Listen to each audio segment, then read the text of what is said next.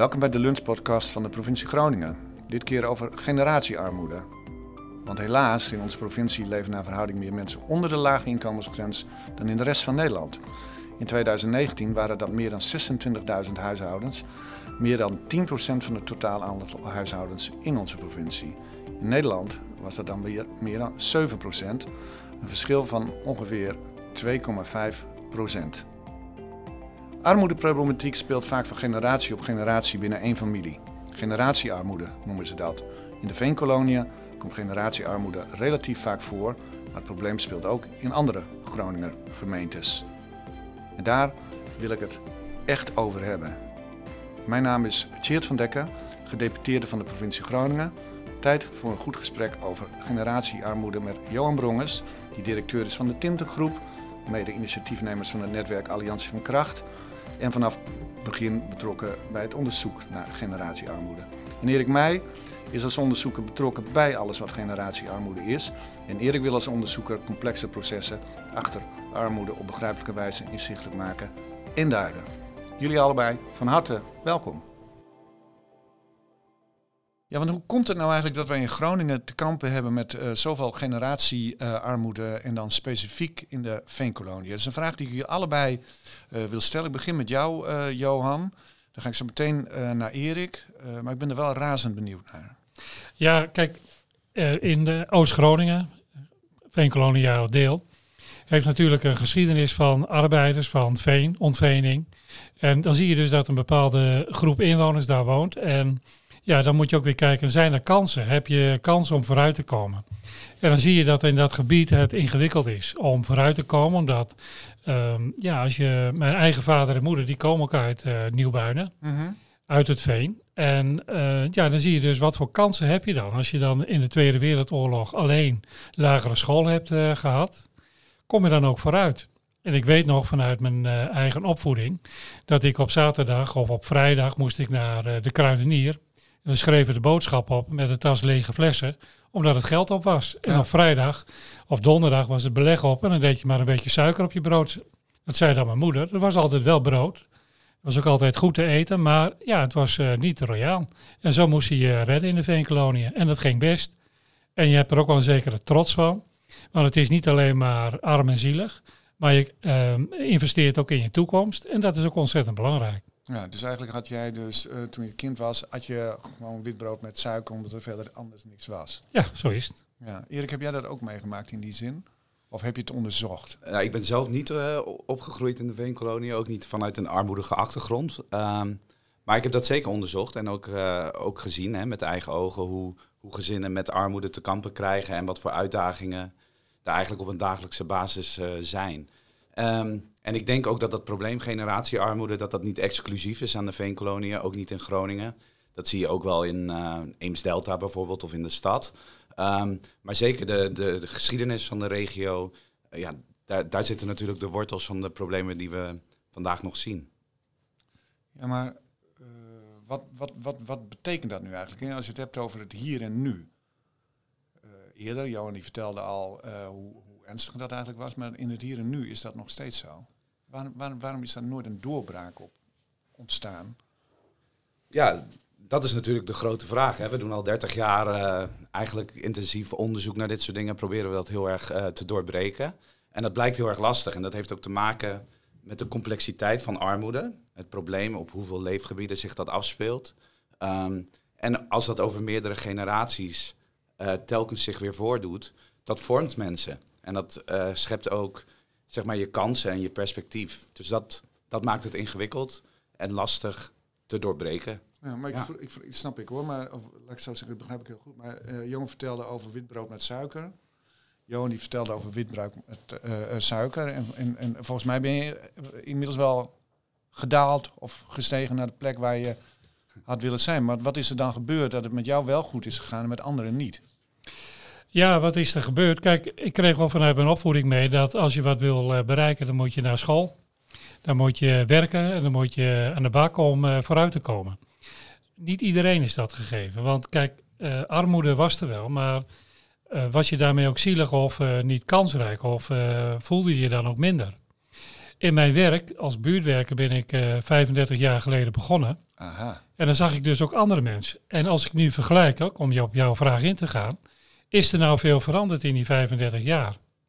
Ik moet je zeggen, als ik nu met onze buurtwerkers spreek, dan zie ik dat er geen klap is veranderd. Ik vind het gewoon erg dat dit gebeurt. En ik vind ook dat we vanuit de overheid steken we ontzettend veel geld in armoedebeleid.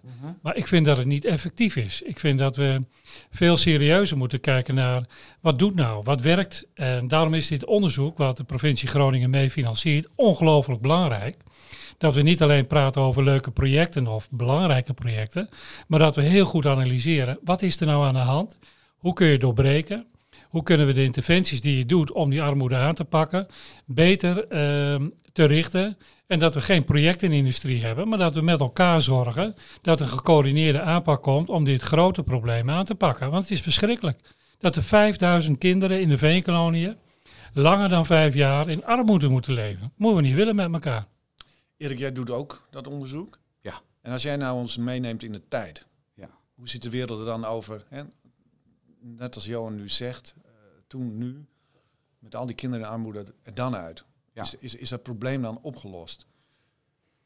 Eh, opgelost, een- dat zijn altijd van die sterke bewoordingen natuurlijk. Ik denk ook niet dat we de illusie moeten hebben dat je armoede helemaal de wereld eh uithelpt. Maar Johan die heeft wel een heel vurig pleidooi daarvoor. Ja, absoluut. En dat Ja. vind ik ook mooi. En ik denk dat het ook te maken heeft met, met de rechtvaardigheid, hè? sociale rechtvaardigheid. Ehm, dat mensen in ieder geval kansen krijgen ehm, in het leven en die ook kunnen grijpen. En daar, kan, daar kunnen interventies bij helpen. En ik denk dat het ook een kwestie van de lange adem is. Ehm, het probleem sowieso, hè, meer generaties, maar de oplossing sowieso ook. Ehm, maar ja, armoede terugdringen tot nul. Het, het vervelende aan het, aan het probleem is dat het ook een relatieve dimensie heeft. Hè? Dus armoede is altijd relatief aan eh, de context, eh, de samenleving.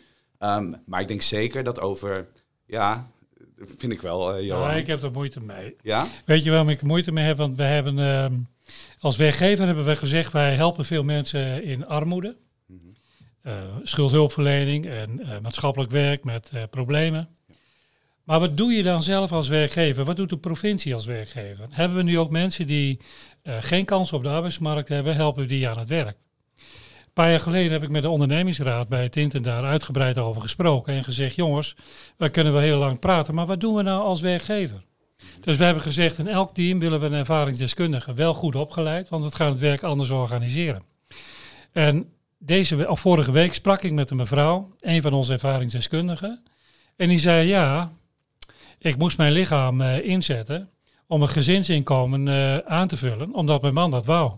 Maar mijn man, had allerlei zaakjes en die was soms even weg. Was die ergens opgeborgen. En eh, ik, had geen, ik had ruzie met mijn moeder en met mijn vader en dat schoot allemaal maar niet op.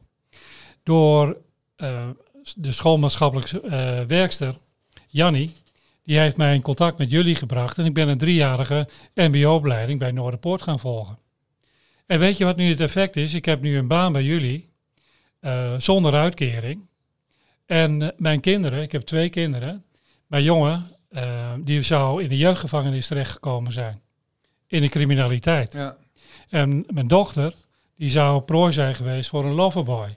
En weet je wat nou mooi is? Als ik mijn moeder bel, dan staat ze met de sleutels in de kant en zegt, ik kom eraan hoor. En door het werk anders te organiseren, en ik zou dat ook heel goed vinden, als alle werkgevers in de provincie Groningen verantwoordelijkheid nemen, want we hebben veel te weinig mensen om het werk te doen. Dus laten we ook zeggen, kunnen we ook die, dat armoedevraagstuk anders aan te pakken door het werk ook anders te verdelen. Daar hebben we een opdracht in. Jij werkt bij de Rijksuniversiteit. Zou dat wat zijn voor de universiteit? Een dergelijke aanpak? Eh, ja, om ook die maatschappelijke handschoen zo op te pakken. Ja, op die manier? Ja, dat lijkt me eigenlijk heel erg mooi. En ik denk ook dat Ja. in dit onderzoek, ehm, dat daar ook samen is opgetrokken met ervaringsdeskundigen.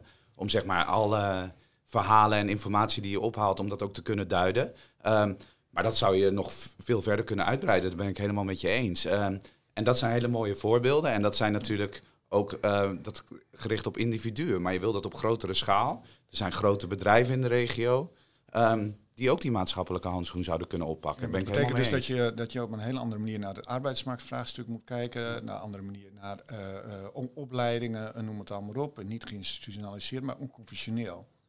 Ja. Kunnen instituties zoals de universiteit dat? Of om maar een andere organisatie te noemen, de provincie. Is, is, is, is, is men daartoe Ik denk steeds meer. Jawel, hè? Om eerlijk te zijn. Ik denk, kijk, de Alliantie van Kracht, waarvoor we hier ook bijeen zijn, dat is eh, een netwerk dat ook voor ogen heeft om die bewustwording, om die beweging eh, verder te brengen. En je merkt dat dat gaande is. Ik denk dat er een voedingsbodem aan het ontstaan is, ook om dit soort dingen te doen. Ehm, en ik denk dat zelfs de Rijksuniversiteit Groningen daar ook eh, een, een rol in kan spelen. Het is natuurlijk niet gemakkelijk, hè? want je hebt het liefst als, als chef of als hoofd van een afdeling gezonde mensen die altijd werken, die geen gedoe veroorzaken of dat je veronderstelt dat ze vaker ziek zijn of dat, ze, eh, dat problemen van vroeger weer naar voren komen.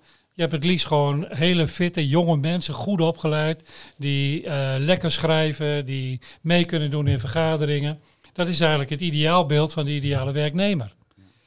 Maar helaas, de wereld zit zo niet in elkaar. Dus laten we ook zeggen dat deze, deze groep mensen, die zijn niet slecht, die zijn ook niet eh, eh, eh, te beroerd om te werken. Of ze, dat is allemaal flauwekul. Dat zijn vooroordelen die we hebben.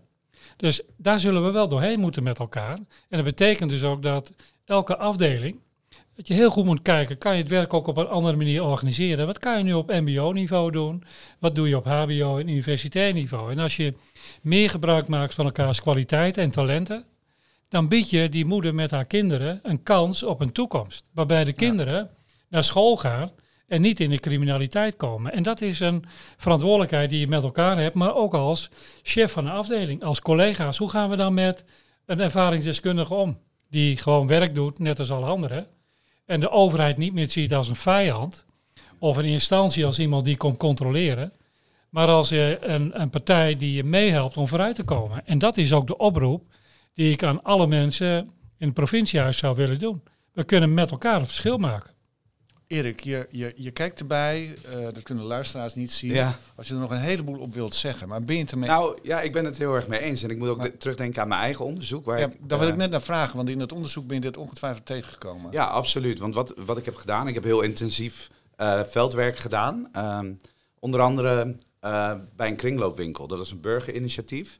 Eh, en daar heb ik meer dan een jaar eh, meegelopen, en meegedaan. En zeg maar, die jongens en die, die vrouwen die daar aan het werk waren. Nou, het verbaasde mij eigenlijk. Ik dacht zo, hoe kan het nou dat hier geen plek voor is? Want die hebben, zo, die hebben mij heel veel geleerd, om het zo maar eens te zeggen. Ik was daar echt de klungel eh, die meehielp in het rijlen en zeilen van die kringloop. Ehm, en ik ben het er helemaal mee eens. Van organisaties, bedrijven, maak jezelf ook ontvankelijk. zodat je, wees creatief daarin, dat mensen een werkplek kunnen hebben. Tjeerd, Ja. ik, begrijp ook niet. Hè. We hebben in de zorg 30 tot 40.000 mbo'ers de afgelopen jaren door de hbo'isering.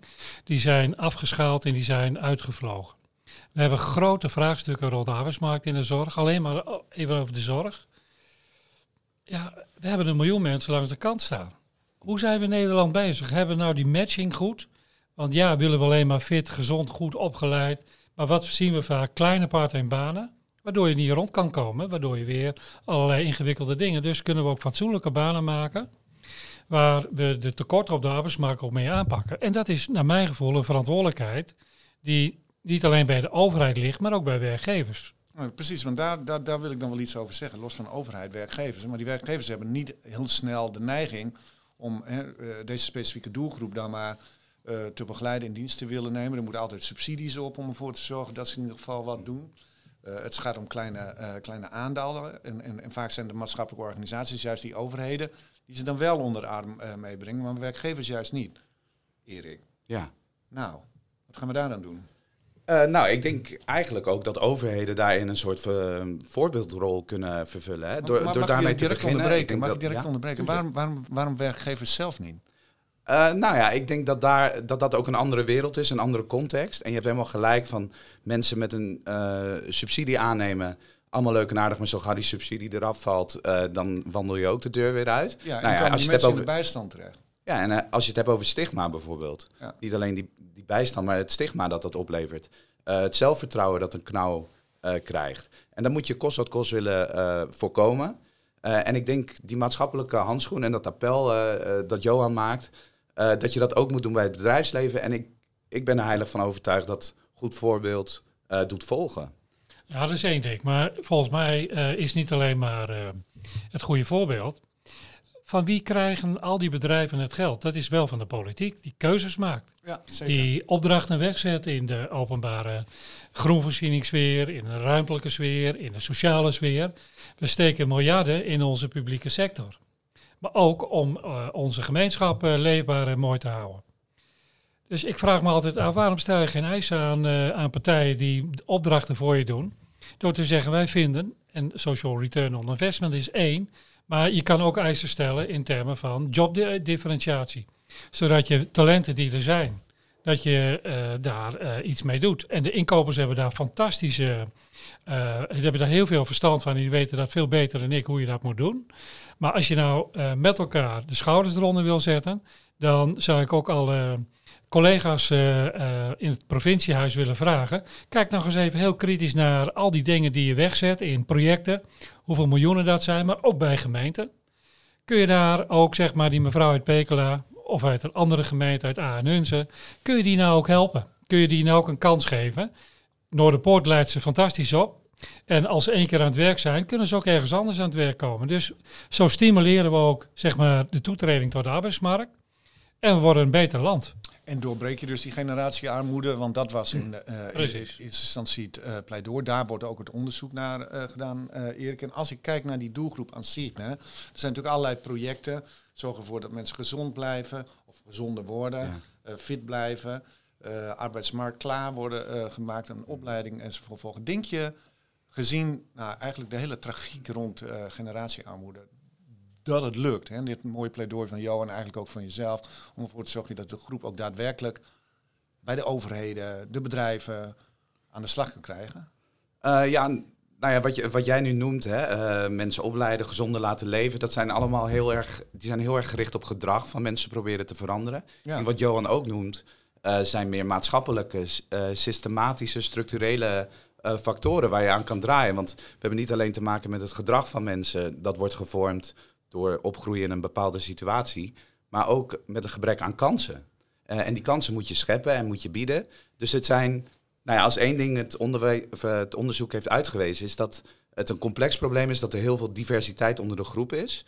Um, en dat betekent dus ook meerdere oplossingen op meerdere vlakken tegelijk. Ja, en wanneer begin je dan met, als je dat weet in je onderzoek, en het is ja. van generatie op generatie, wanneer zorg je ervoor dat je die doorbraak organiseert? Van jongs af aan, van vier jaar af tot twaalf jaar af. Uh, vertel het mij.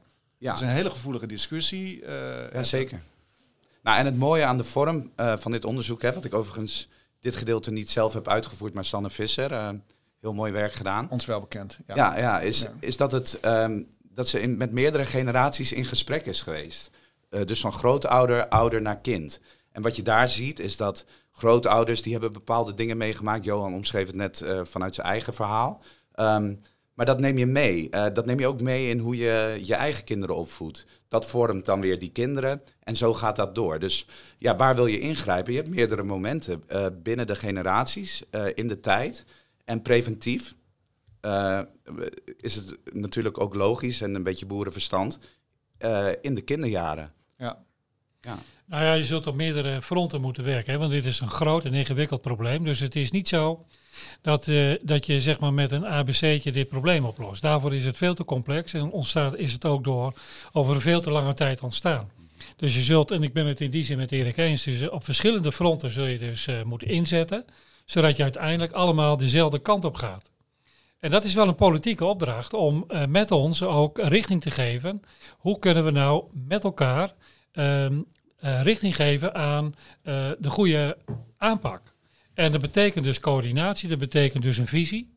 En dat betekent ook voor de Staten dat wanneer je uh, het hebt over je inwoners in de provincie, dat je niet zegt, ja, ik ben er niet van, want ja, dat is geen rol voor provinciale staten. Maar dan loopt het onderzoek nog steeds door. En ik, ik hoor het pleidooi voor nog meer structureler onderzoek enzovoort enzovoort. Maar hebben we dan niet gewoon heel concreet actieprogramma's nodig? Precies. In plaats van onderzoek? Nou ja, dat onderzoek is ik, geweest. Kijk naar Erik, maar okay. je mag het allebei zeggen hoor. Erik is de onderzoeker, dus ja. ik vind eigenlijk dat Erik die vraag eerst maar eens moet beantwoorden. Nou ja, dat is natuurlijk ook een interessante vraag en ook precies het thema voor het aankomende jaar. Hè. Juist die vertaalslag maken, concreter maken uh, naar de praktijk. En ik denk dat een van de onderdelen daarvan is uh, dat wij als onderzoekers onze oren te luisteren leggen bij, bij mensen uit het uh, werkveld. Hè? Want uh, wij hebben niet alle wijsheid in pacht. Hè? Mensen werken al jaren met deze doelgroep, hebben heel veel ervaring en kennis. maar het gaat er ook om de manier waarop. Zo, kan je, kan je zeg maar effectief zijn? Kan je daadkrachtig zijn in je werk? Um, en om daar goed te luisteren van waar knelt dan de schoen en wat kunnen we veranderen om dat effectiever te maken? En ja, dat, dat is echt een speerpunt voor het laatste jaar ook van het onderzoek. Ja, want dat is het laatste jaar van het onderzoek. Ja, en, daarna stopt de financiering. Ja, dus dat je zult begrijpen dat ik een pleidooi hou voor acties en programma's. kijk, wat, wat we hebben nu, we weten nu ontzettend veel vanuit het onderzoek. Hè. Goed uh, gefundeerd wetenschappelijk onderzoek. We weten waarover het gaat in aantallen, in wat je kan doen. Dus laten we die kennis die we nu hebben in de praktijk brengen en daar goed kijken naar wat werkt. En uh, ik zou je dus als gedeputeerde ook willen vragen van, geef ons nou de gelegenheid om niet alleen in een jaar, maar dit probleem los je niet met een jaar op, om meerjarig te investeren in die kennis te verbinden met de praktijk. En voortdurend daar kritisch te kijken, te spiegelen. Hoe komen we vooruit op dit belangrijke en ingewikkeld onderwerp? En dat is niet één weg, er zijn meerdere wegen die naar Rome leiden ook om dit vraagstuk op te pakken. En dan heb je dus de volle steun nodig, want het gaat om inwoners van de provincies. Van de provincie. En uh, die hebben ook de aandacht uh, nodig van uh, provinciale staten. Met elkaar zullen we het moeten doen. Ja, tot, tot, tot, tot slot, Erik. Dit is een heel vurig politiek pleidooi. Hè? Ja. Maar jij bent natuurlijk de wetenschapper met het onderzoek. Vind je nu dat ondanks het pleidooi van Johan... Ehm, die, die onderzoeken moeten doorlopen? Omdat, omdat, omdat de situaties altijd veranderen. De maatschappij verandert. Nee, ik ben het heel erg eens met Johan. Want ik denk, uh, we hebben het over een beweging. Een beweging die zeg maar momentum aan het vergaren is, om het zo maar te noemen. Uh, en ja, je moet het ijzer smeden wanneer het heet is. Hè? En wat je dus ziet uh, in Noord-Nederland, in de Veenkolonie, maar ook daarbuiten, dat er heel veel kennis is opgedaan op het gebied van armoede. Dat we ook landelijk daar echt in voorop lopen. En dat we dat ook moeten doorzetten. En inderdaad, die vertaalslag naar de praktijk, uh, daadkrachtiger uh, te werk gaan. En dat, dat nu dat momentum daar is. Oké.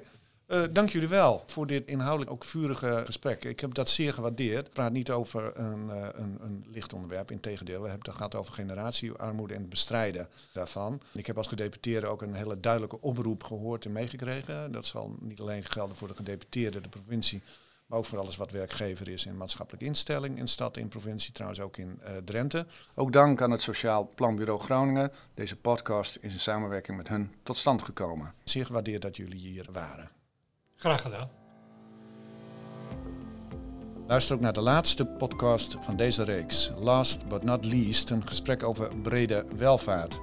Brede welvaart, een begrip dat rondzinkt en binnendruppelt in beleid. En nu de stap richting praktijk hoe te sturen of hoe te besturen op brede welvaart. En wat is het eigenlijk? Hoogleraar brede welvaart in de regio, Joks Jansen, neemt ons mee.